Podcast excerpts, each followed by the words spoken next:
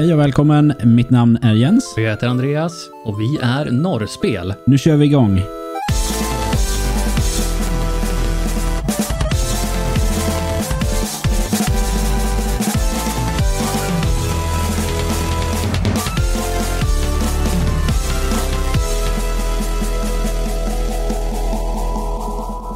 Det, det finns ju en hel del spel här ute nu i världen.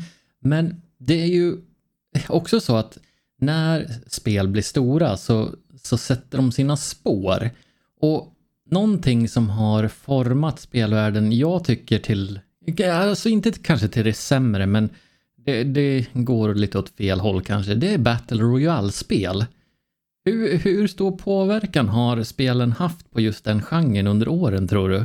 Ehm, ja, hur stor påverkan den har på spel? Alltså den har nog haft en stor inverkan på vilken typ av spel som utvecklas. Och Det här har nog lite grann med att göra att jag tänker, jag tänker mig att om, eh, om du ser eh, någon som tjänar jätte, jättemycket pengar på att sitta eh, i en eh, rondell och måla tavlor. Eh, och så ser du att fan, den här som målar gör ju bara streckgubbar. Jag kan också göra streckgubbar. Då, då kommer du antagligen att sätta dig i någon annan rondell och börja rita streckgubbar och försöka sälja dem. Eh, det är ju lite granna eh, businesskulturen att gör någon någonting bra så kan du kanske kapitalisera på det då och göra någonting liknande för att fortsätta casha in pengar på det här. Eh, och det är väl lite grann det vi har sett när det kommer till framförallt Battle Royale-genren. Eh, om vi tar eh, ett, det största Battle Royale typ någonsin så är det väl eh, antagligen eh, Fortnite som man tänker på där. Mm. Eh, jag skulle också vilja tillägga PubG är ju också att man, om man tänker Battle Royale, alltså tidigt skede. Absolut, och Fortnite och PubG är ju inte på något sätt först här. Det är bara att de är störst. Så de, de såg ju ett liknande, liknande spel tidigare och, och kopierade och blir jättestora. Och när de blir så stora som de blir så kommer ju då ytterligare, vi har ju Apex Legends, du har ju Call of Duty Warzone också för den delen. Eh, och nästan alla skjutarspel idag har liksom ett Battle Royale-läge på något sätt. Eh, det, det gör ju att Alltså, jag personligen anser ju att, att utvecklingen blir lite lidande när man, när man hela tiden ska fastna i de här hjulspåren av, framförallt då om vi pratar nu Battle Royale, så att man fastnar i de hjulspåren med Battle Royale. Man, man saknar innovation och nytänkande. Man bara försöker så här, hur kan vi ändra formen på cirkeln? Hur kan vi ge dem en annan grafik? Kan vi ge, en an, ge andra vapen? Hur, eh, hur, kan vi också tjäna pengar på den här genren? Ja, jag tycker att det, det är lite... Det, det, är en farlig väg att gå. Jag vet inte om det var riktigt på det här sättet förr i tiden, men det kanske har att göra med att... För att nu, det, nu, det föll på lätten, alltså det, undrar om det hördes att det plingade till där när min polett föll ner. Mm.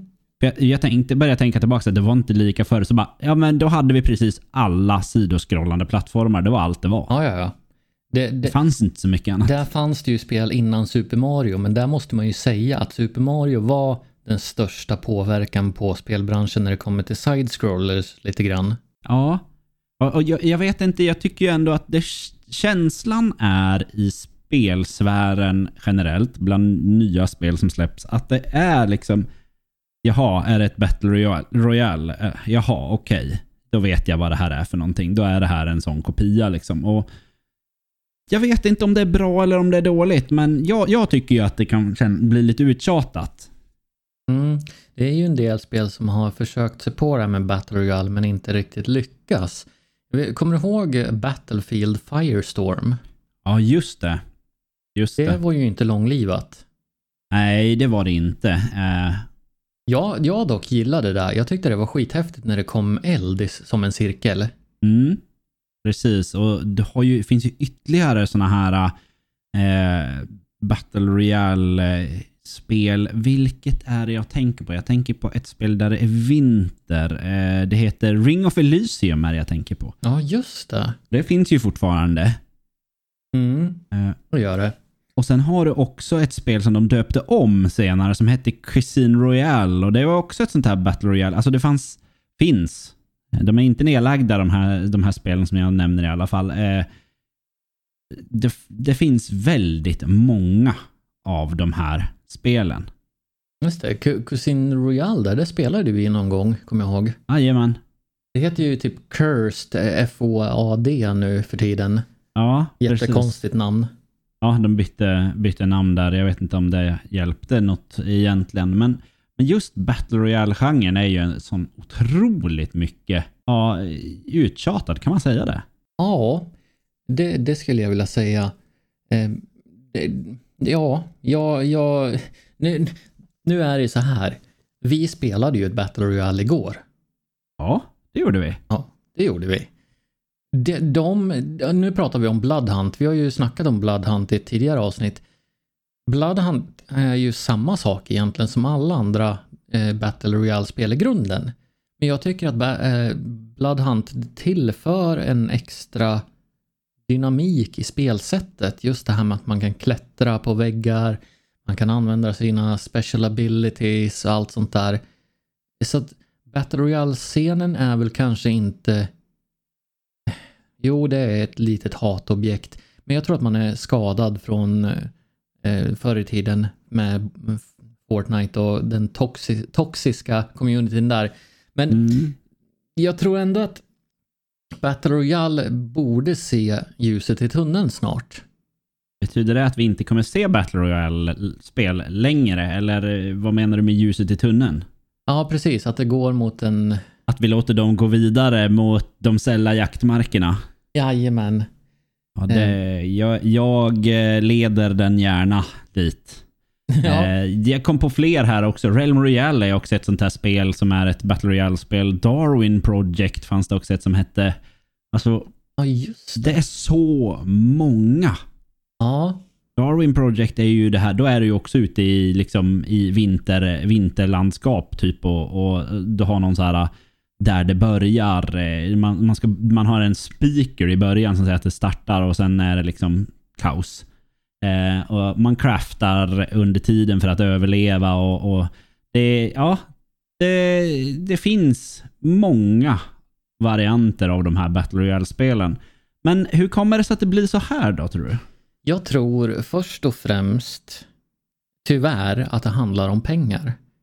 För när Fortnite drog iväg, Fortnite var väl meningen att det skulle vara Save the World som var main game, var det inte så? Jo, precis. Men sen drog den här gratisversionen i Battle Royale iväg och det vart så otroligt populärt över hela världen. Folk spelade det dygnet runt, 367 dagar om året, höll jag på att säga. Eh, jag tror, att, jag tror att folk såg hur mycket pengar Epic Games tjänade på det där och hur de kunde använda det här med Battle Pass, köpa skins, allt sånt där. Hur mycket pengar det genererade. För du har ju det i nästan alla Battle Royale har du Battle Pass och skins. Apex till exempel, Warzone. Eh, I Battlefield hade hade det också. Ja, Och precis. jag tror att det är pengarna som lockar först och främst.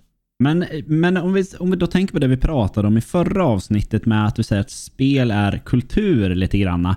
Är det inte något skamligt med att, alltså betyder det inte att pengarna mer eller mindre dödar kulturen här? Jo, det är väl så och det är väl det som styr lite granna. eh, i- Allt i världen tekniskt sett är det ju pengarna som styr.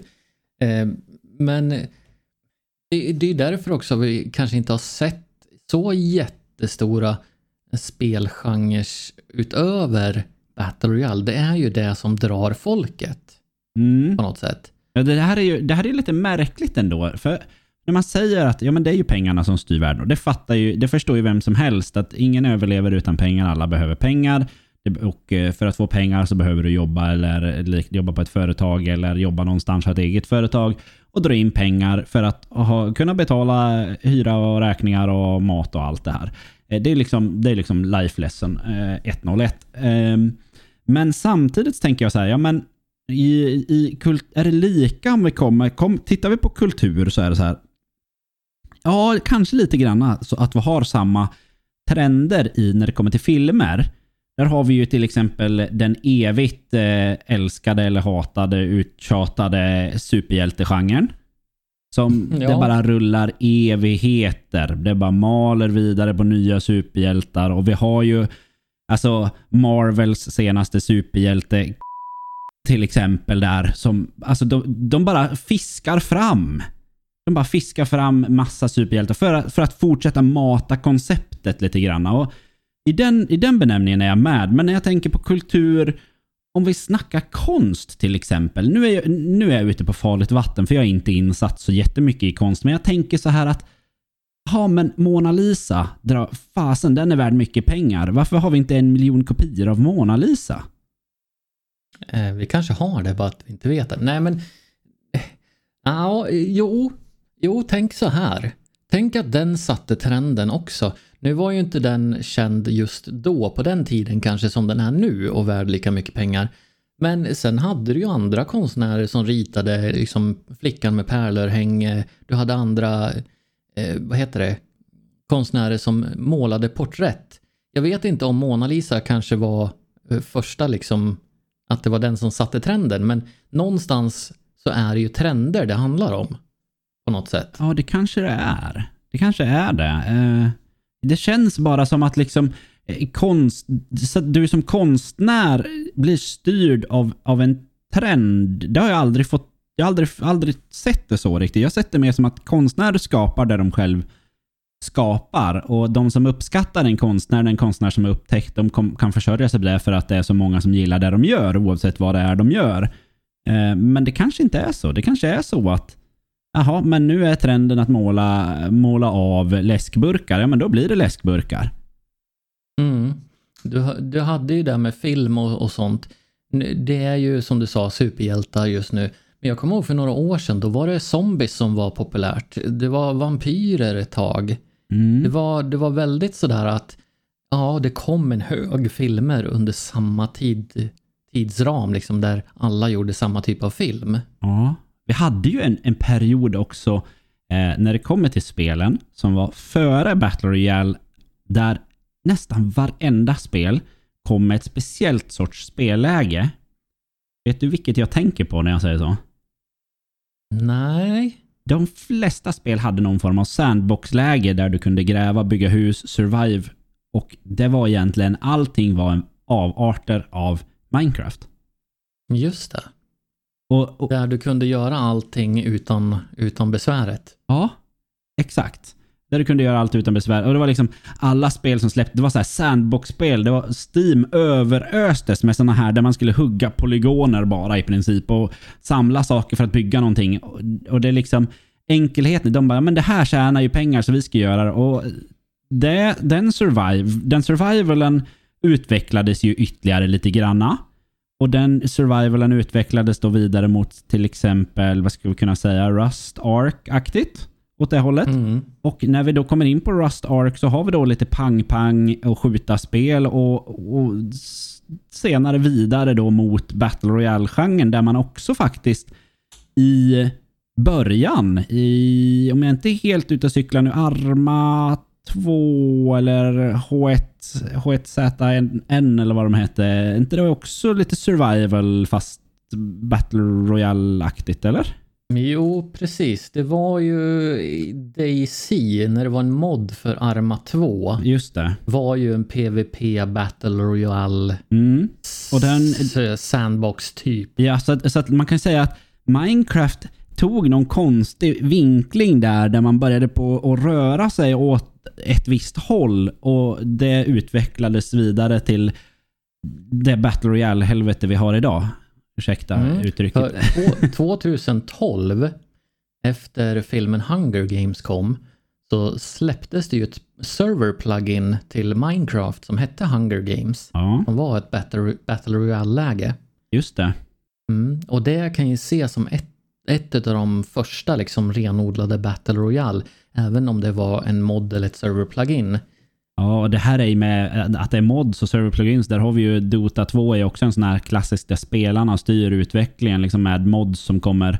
Och där moddades ju eh, moddades det ju hejvilt och det blev Dota 2 av, var det Warcraft? Tror jag.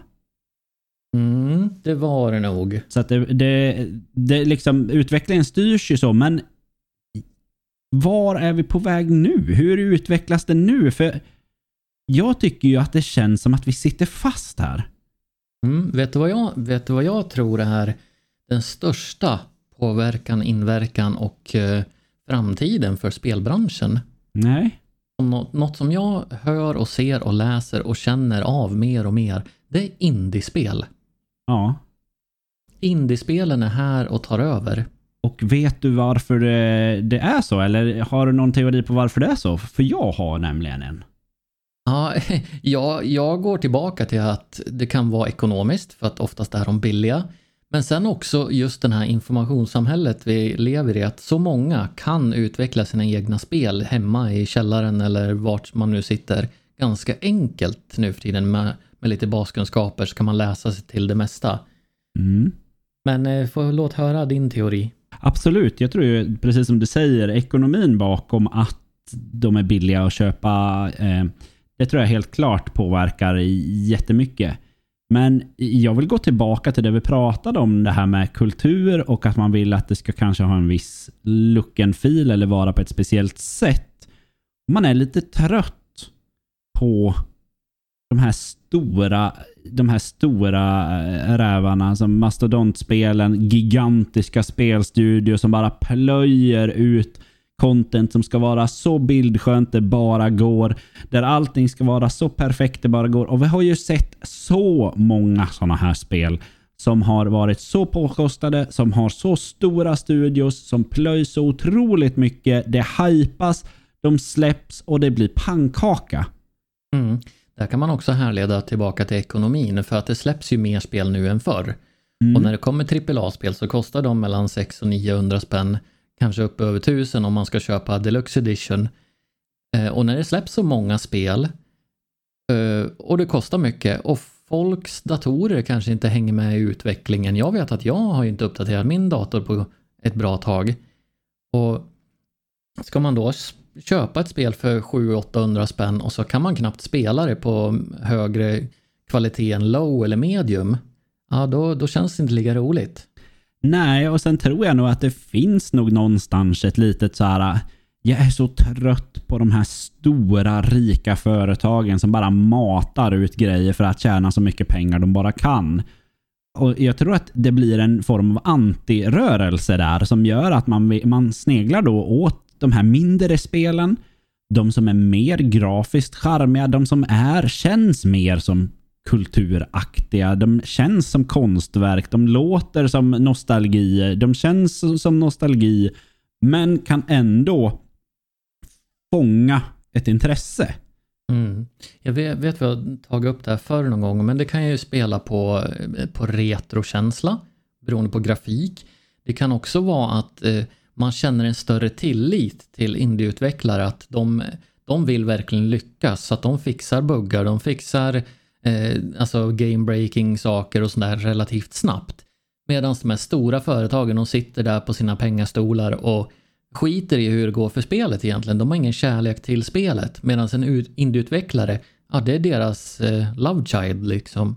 De har lagt ner kropp och själ i, i utvecklingen av det här. Så att det är helt klart så, så tror jag det finns någonting. Vi, har någon, vi är nog någonting på spåren där när det kommer till, till att i, varför indiespelen.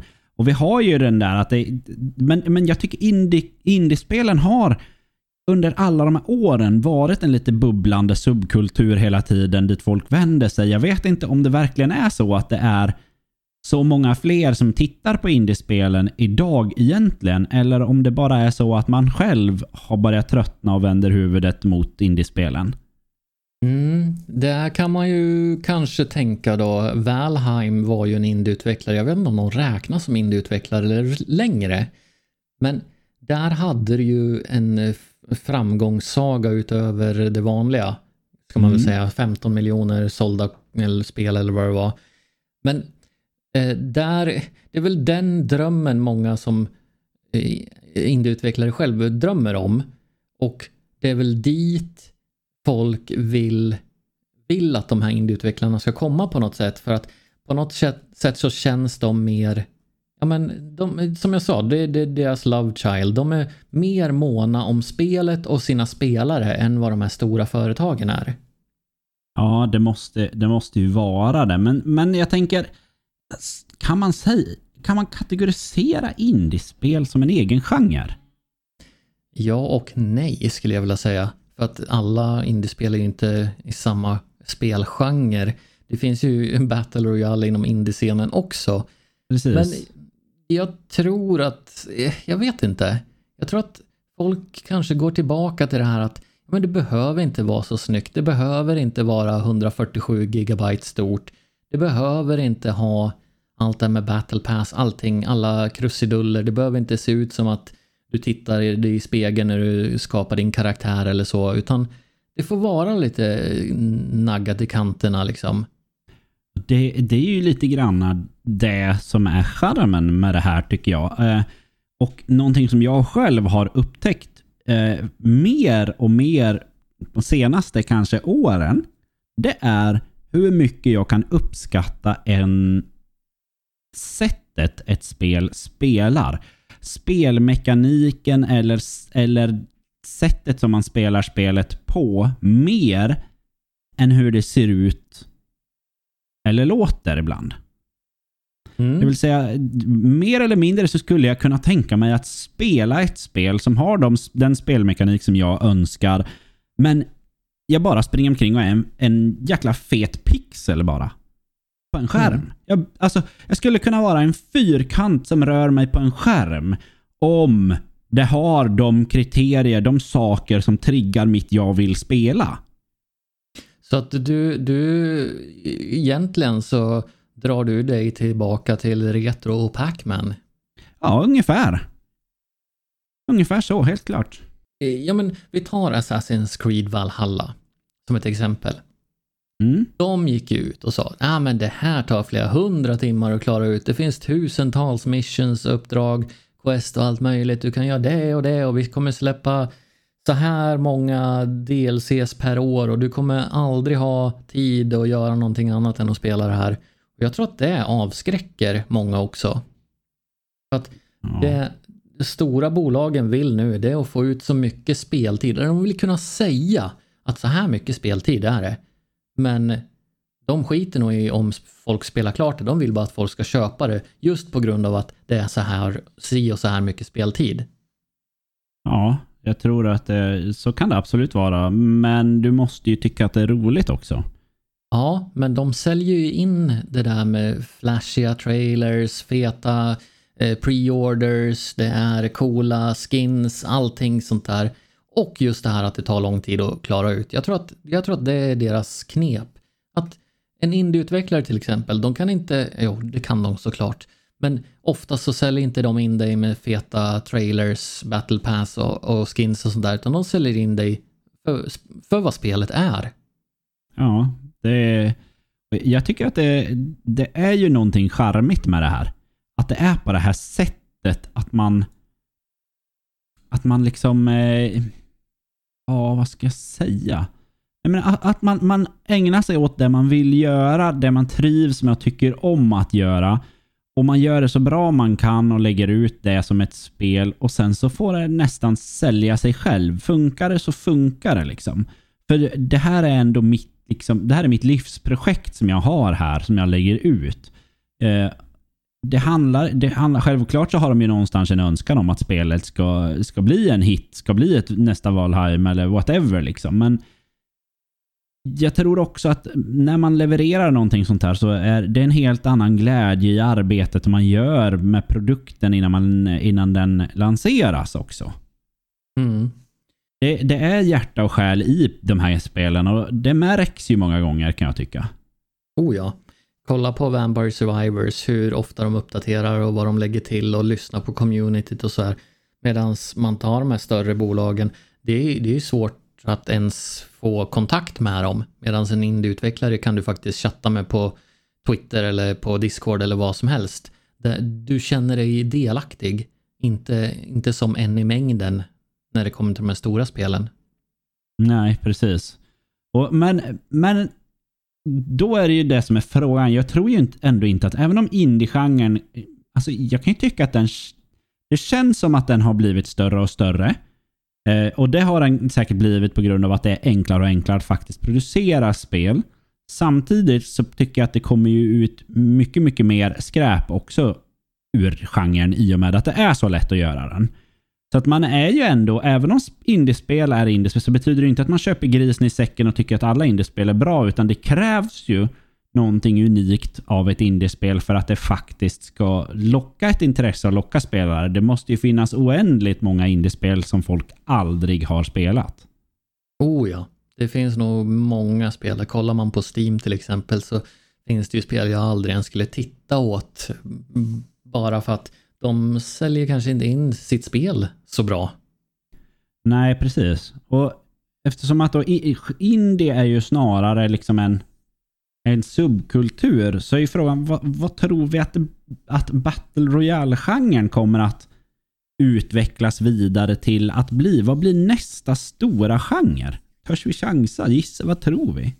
Mm, jag satt och funderade lite på det där nu. Jag, jag tänkte fråga dig samma sak, men så kommer jag att tänka på uppföljare där. Alltså mm. det här med att spela och in, ut, vad säger man, inverkan på, på genre och så. Det, vad heter de, de här uh, Elden Ring, vad hette de tidigare? Um, Dark Souls. Dark Souls. Ja. De var ju otroligt populära och inflytelserika spel. Mm. Jag vet ju att det var ju fler som försökte sig på liknande, att det skulle vara så svårt som möjligt och så här. Men sen kommer de ju till en punkt att Elden Ring har ju jag hört att kanske inte är så bra som föregångarna. Nej, de riktigt inbitna där som tyckte att det var lite för lätt och sådär då ja.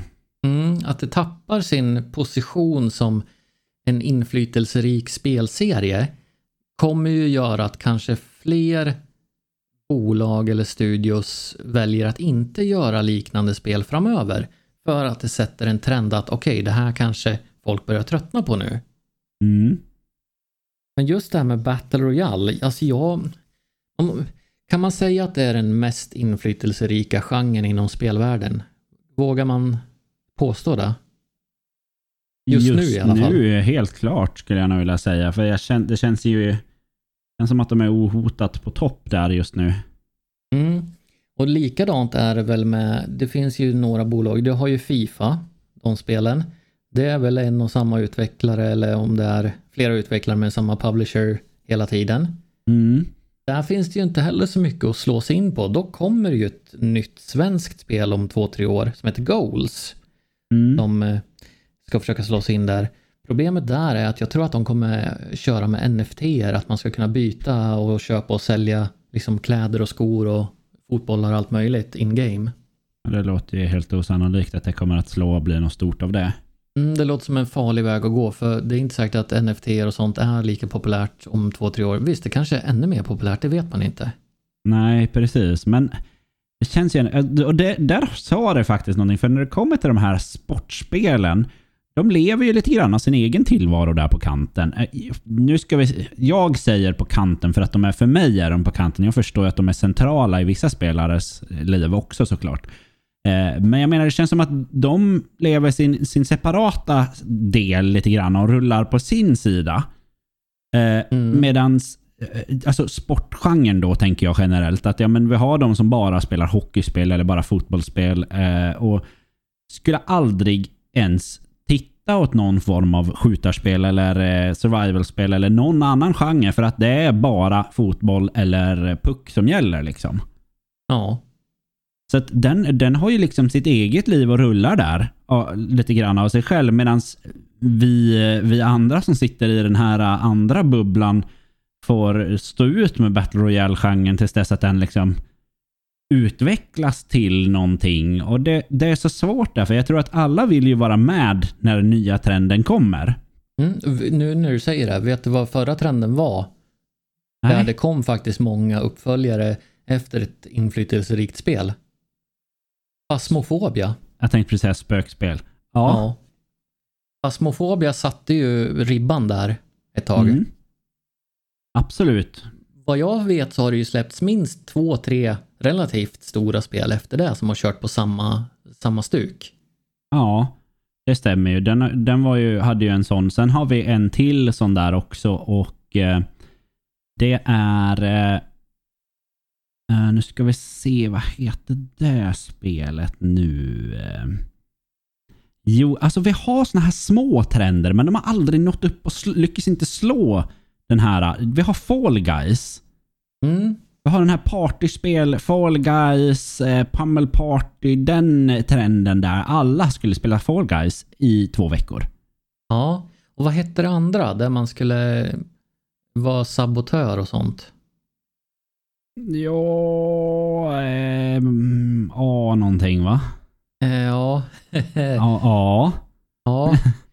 Jag spelade aldrig där, men det, man skulle väl hitta det, inte sabotören. Alltså va, kom igen nu. Det här måste vi kunna. Ja, det heter Among Us. Among Us heter det ja. Ja. Jag äger spelet men jag har aldrig spelat det. Jag äger också spelet. Jag köpte det när det typ släpptes för en miljon år sedan känns det som. Det, det är lite roligt egentligen. Eller det, det där är också ett fascinerande. Ett spel som släpptes så många år sedan. Men bara helt plötsligt får det någon revival av någon anledning. Bara poff, så blir det Streamers. helt plötsligt intressant. Är det på grund av streamers? Ja, det kanske är. Jag tror det. Jag tror att det var någon stor streamer som tog upp det och spelade med sitt community och sen började alla hans streamerkompisar spela det och då bara snowballade det. Ja, men och det är ju också en sån där liksom, såna här små grejer som bara dyker upp, blossar upp och sen bara försvinner de igen. Och det var ju liksom Among us var ju precis som du säger och sen så Pammel, det är lite så här partyspelaktigt liksom.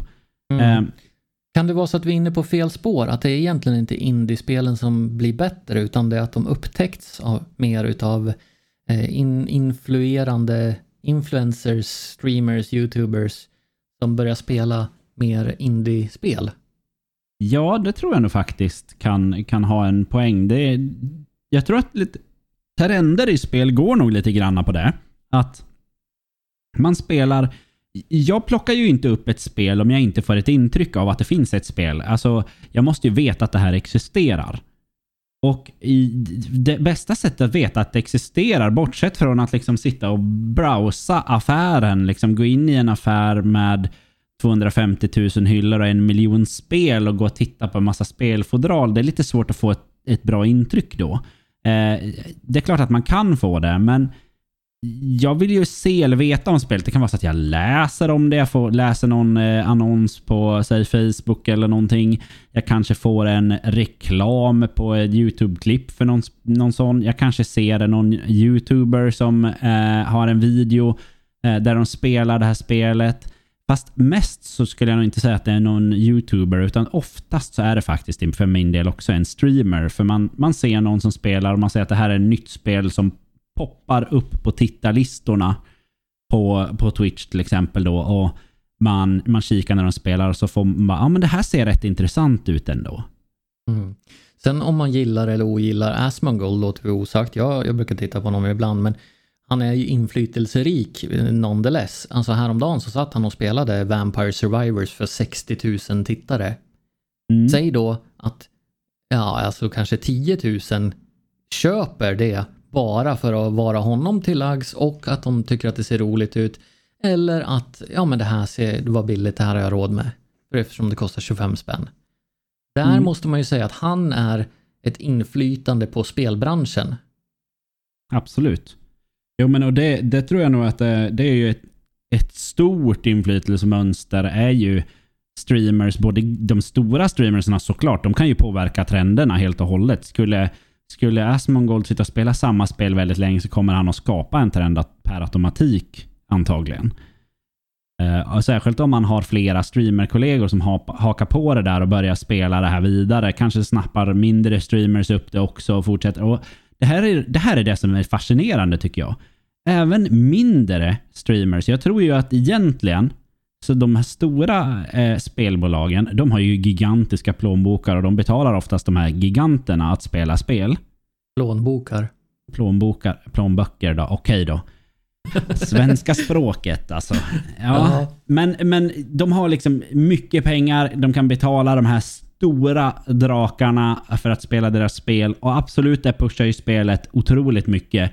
Men jag tror att spelutvecklare förbiser mellanskiktet och de mindre streamersarna. För att de mindre, mindre eh, streamersarna, de är mindre tittare de har ett tajtare communities oftast som gärna testar. Om de tittar på de communities så är de nödvändigtvis inte där för spelet som spelas, utan de är oftast där för streamern. Det kanske är en kompis eller något sånt. Och när de ser de spelare och så tycker de ah, men det här verkar ju roligt. De lyckas också sälja ganska mycket tror jag. Jag det tror jag, också. Jag tror att de mindre streamersarna, precis lika som de större streamersarna, inte lika mycket självklart inte, men tio mindre streamers kan garanterat ge en stor impact på sales för spel. Mm. För att, för att det är kompisar. Man litar mer på den, den personen än... Jag menar, går jag in och tittar på Asmongold och ser han spela något spel så bara, ja men han har ju fått betalt för det. Det är det första jag hade tänkt liksom. En mindre ja. streamer känns mer genuin av någon anledning och därför så tycker man att ja, men de hade ju inte spelat det här om det inte var roligt och det är ju antagligen sant. Ja, eh, det, det är ju intressant det där också, trender så. Eh, jag vet ju inte om de har fått betalt nu, men ett spel som har dykt upp igen på Twitch inte så att det har blivit alltså, superpopulärt igen. Men det är ju att jag har ju sett, eh, vad heter han, eh, Pestily spelat mm. Det här piratspelet, vad heter det, som vi spelade? Sea of Thieves ja. Sea of Thieves med massa stora andra streamers. Mm. Det är mm. mycket möjligt att de har fått betalt för att spela det för att det har släppts någon ny DLC eller någonting. Men det har inte riktigt tagit fart. Jag har inte sett någon annan mm. vilja ta upp det igen. Nej, och Sea of Thieves är ett sånt här spel som också har gått i vågor. Det, har det känns som att det är gammalt som gatan. Ja, bokstavligen alltså. Ja, men det känns som att det är gammalt som gatan. Nu vet jag inte när det släpptes, men det känns som att det kanske har kommit i tre eller fyra sådana här större vågor där liksom bara nu är det jättepopulärt med Sea of Thieves igen. Och sen försvinner det. Och så nu är det jättepopulärt med Sea of Thieves igen och så nu försvinner det. Det, är liksom, mm. det, har, det har varit, gått väldigt mycket i vågor och att det är så tydligt tycker jag borde säga att det här är någonting som pushas i de här uh, vid släpp av expansioner eller något sånt. Uh, ett annat spel som faktiskt har helt missat, eller kategori som inte, tack och lov, växte mer än vad den gör. Den är gigantisk redan. Den är nog, jag skulle snippa, snippa säger man så? Så kan ja, man ju ja. inte säga. Tippa säger vi. Jesus. Ja, det där kommer okay. inte jag klippa bort. Va? Nej, okej okay då. Eh, Gud! Jaha. Ja, nu, nu kommer det vara... Folk rasar. Eh, okej, okay, vad var jag? Nu tappar jag till och med bort mig bara för att jag gör så här. Vilket svin. Jo, eh, det är RP-genren. Ja. Oh. GTA 5 RP. Jag vill tro att den genren är död, men jag ser folk som dyker upp och kör det till och från ändå. Och den är ju också så här, men vad händer där? Och den, den är ju garanterat styrd av stora streamers. Ja, för GTA är ju gammalt som gatan nu. Ja, alltså spelet är ju skitgammalt. Det är, alltså när släpptes det? Ja, jag vet inte, jag ska kolla. Ja, Men det... just det här med RP också. Jag, vi, jag, jag har kollat lite grann på svenska streamers som kör RP. Och jag tycker de är så förbannat tråkiga. Det är så Förlåt. jäkla svårt. Det är ja, det svårt. Är det. Jag har ju testat också och det är så svårt. Och ingenting känns mer cringe någonsin än när du sitter där och ska låtsas... Alltså, ja, ja nej, jag vet inte. Mm. Det är bara 2013 släpptes det. Ja, nio år gammalt. Mm. Och, och det liksom har, fick en sån här jätteboost för ett år sedan. Liksom. Ja. Men, men fortfarande så står liksom Battle Royale ohotat på toppen och bara liksom pangar ner motståndet i cirkeln. Ja, jättekonstigt. Jag vet inte riktigt var, var det är på väg heller. För jag tycker att eftersom att Fortnite är så stort. Eftersom att PubG är så stort. De här spelen är de är liksom oföränderliga och stora. Vilket gör att det går ju ingen trend i dem. De utvecklas eller moddas inte till någonting som kan bli en, eh, en sån sak. Som kan bli så stora att de ska gå vidare och slå den här genren. Jag, jag har svårt att se det det mm, jag, jag, tror att, jag tror det är hopp, det enda hopp vi, vi som inte liksom tycker att den här genren är... Vi som har börjat tröttna på den här genren har, det är ju att den här liksom lägger sig i ett hörn och bara själv dör. Får man säga så? Ja, jag trodde ju att det, det, skulle kunna dö ut lite nu när Fortnite tog bort byggandet. Jag vet inte hur det ser ut nu, om de har tagit tillbaka det eller inte. Men jag tror att det måste till ett gigantiskt misstag för de här stora aktörerna Eh, innan genren dör ut. Till exempel att eh, Apex gör någonting otroligt dumt så att de tappar spelare. Likadant med Warzone och med, med Fortnite. Ja, alltså jag är ju inte sån att jag... Jag är inte missunnsam. Det är väl jätteroligt att det går bra för dem, men jag skulle bara önska att det blir en ny trend som man själv kan uppskatta också på något sätt. De, det har varit så länge nu.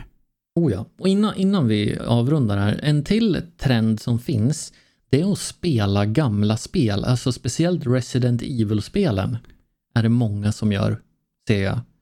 Mm. Jag har till exempel, nu har jag en på min eh, Twitch-lista, han spelade Witcher 3 för första gången nu. Det släpptes för, ja, 2015. Jag har Deadly Slob som spelar My Summer Car. Alltså, vad är det liksom? Ja, det är också sådana här gamla spel. Det, det bubblar. Det, det, liksom, det börjar bli torrt. Lite mm. grann. Inte speltorka torrt, men det börjar bli torrt på nytänkande nya spel. Ny, nya saker, ny genre, ny... Alltså... Jag vet inte, jag kanske bara är gnällig Men The, Witcher-spelen är väl lite en klass för sig, om jag har förstått det rätt. Samtidigt, My Summer Car är ju ett väldigt speciellt indiespel som är ganska konstigt. Där drar ju folk. Ja, de är liksom, det är ju lite udda såklart. Mm. Men är det verkligen så att det är det här med Battle Royale, är det så hemskt? Eller är det bara du och jag nu som sitter här och är gubbsura? Det kan vara lite både och, men jag, jag har tröttnat på den, den genren, även om jag faktiskt tycker att det är relativt roligt med Bloodhunt. Men jag kände det, vi spelade väl i fyra, fyra timmar igår och man blir trött. Man blir trött. Ja, det blir, det blir liksom... Man kan det är samma inte, sak varje match. Man kan inte utveckla det och göra det nytt varje gång, för det är och förblir samma genre och samma koncept ändå. Nu tror jag att Bloodhunt kommer att ge oss några timmar skoj till ändå. Men, men genren som sådan eh, är inte någonting jag sneglar allt för mycket åt. Nej, jag brukar hoppa över om jag ser att det släppts ett nytt spel som ser intressant ut men ser att det är en Battle Royale. Ja, står det Battle Royale då är det liksom, okej, okay, då valde vi bort den. Men är vi ensamma om det eller, eller säger ni tittare, lyssnare eller eh, Tittare nu igen? Ja, ja, ja, jag drog med den med flit där. Åhörare, kan man säga så? Jag har, inte, jag har inte rätt att, att, uttrycka mig längre om vad man får säga och inte säga. Jag har ju redan försagt mig idag. Ja, ja efter din lilla snippet där så... Ja, precis. ja. så kan det bli. Nej, men vad, vad, säger ni som lyssnar här? Alltså är vi inne på någonting eller har vi bara pratat i nattmössan hela 42 minuter här? Eller är vi bara gubbsura? Ja. Ska, det kanske är titeln för dagens, eh, dagens eh, avsnitt. Är vi gubbsura? Frågetecken. Gubbsura snippetar. Nej, ja. så kan vi inte ha det. Ja, Andreas, eh, lika trevligt som alltid att prata med dig. Eh, ni som lyssnar, tack för att vi har fått skava era öron ytterligare en, ett avsnitt här. Jätteroligt att ni hänger med oss. Nästa avsnitt, nästa vecka. Eh, jag hoppas att ni eh, fortsätter låta oss skava i era öron då. Missa inte att följa oss på sociala medier. Ni hittar oss på precis allihopa. Vi heter Norrspel såklart. Hoppas ni har en fantastisk fin vecka. Så hörs vi nästa vecka. Ha det bra. Hej hej! Hej hej!